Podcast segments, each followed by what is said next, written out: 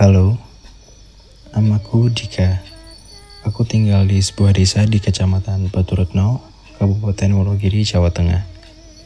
Kejadian ini dialami langsung oleh mama, kakek nenekku, dan dua orang adik mamaku sekitar tahun 1994.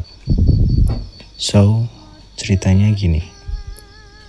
Waktu itu, hari kontrol nenekku ke salah satu rumah sakit di Solo.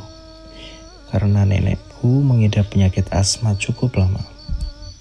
Hari itu, papa gak bisa antar untuk pergi kontrol. Jadi mama yang nyetir untuk mengantar kakek nenekku ditemani dua orang adiknya. Karena antrian rumah sakit yang cukup banyak, akhirnya mereka pulang dari rumah sakit itu pukul setengah sembilan malam.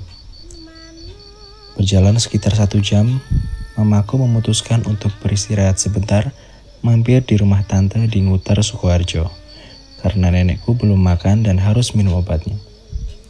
Setelah makan, minum, minum obat, dan dirasa istirahatnya sudah cukup, pukul setengah sepuluh malam, Mama memutuskan melanjutkan perjalanan pulang karena esok paginya dia harus berangkat kerja.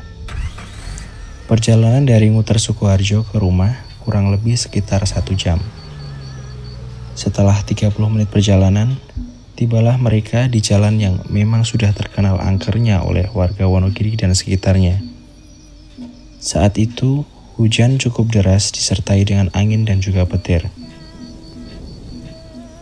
Karena kanan kiri jalan itu hutan dengan pepohonan yang menjulang tinggi, mamaku berkata dalam hatinya dalam bahasa Jawa, Nek umpomo ditebangi mesti padang orang medeni. Yang artinya, kalau pohonnya ditebang, pasti terang dan gak nakutin. Selang beberapa menit setelah itu, terjadilah hal yang tidak diinginkan. Pertama, kondisi hujan deras, wiper mobil stuck mati di tengah kaca saat emak menyapu derasnya air di kaca mobil. Kedua, disusul AC yang tiba-tiba mati, audio, dan yang terakhir lampu utama mobil mati dan hanya menyala lampu kecil dengan hasar karena saat itu benar-benar gelap. Kakek nenekku hanya bisa diam sambil berdoa dan mencoba untuk menenangkan kedua adik mamaku yang sedang menangis ketakutan. Dalam hati mamaku, sepanjang jalan hanya ada lantunan doa dan memohon pertolongan kepada Allah agar dijauhkan dari mara bahaya. Untungnya, Tak lama setelah itu, datang sebuah truk menyusul di belakang mobil dan membantu memberi penerangan. Setelah 15 menit berlalu, tibalah di ujung jalan angker itu yang terdapat jembatan diikuti tikungan yang menanjak.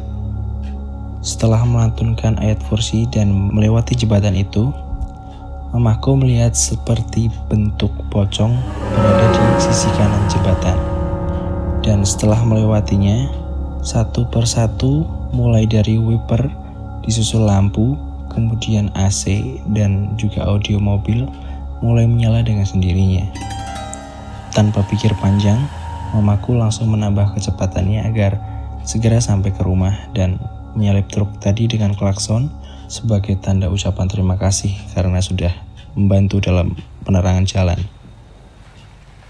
Mungkin itu sedikit kejadian yang sangat menakutkan bagiku. Cerita itu diceritakan langsung dulu oleh mamaku dan kakek nenekku. Percaya atau tidak, tapi itu kejadian yang nyata. Dan ingatlah bahwa kita hidup berdampingan dengan hal yang tak kasat mata. Terima kasih dan sukses selalu untuk podcast 12 malam.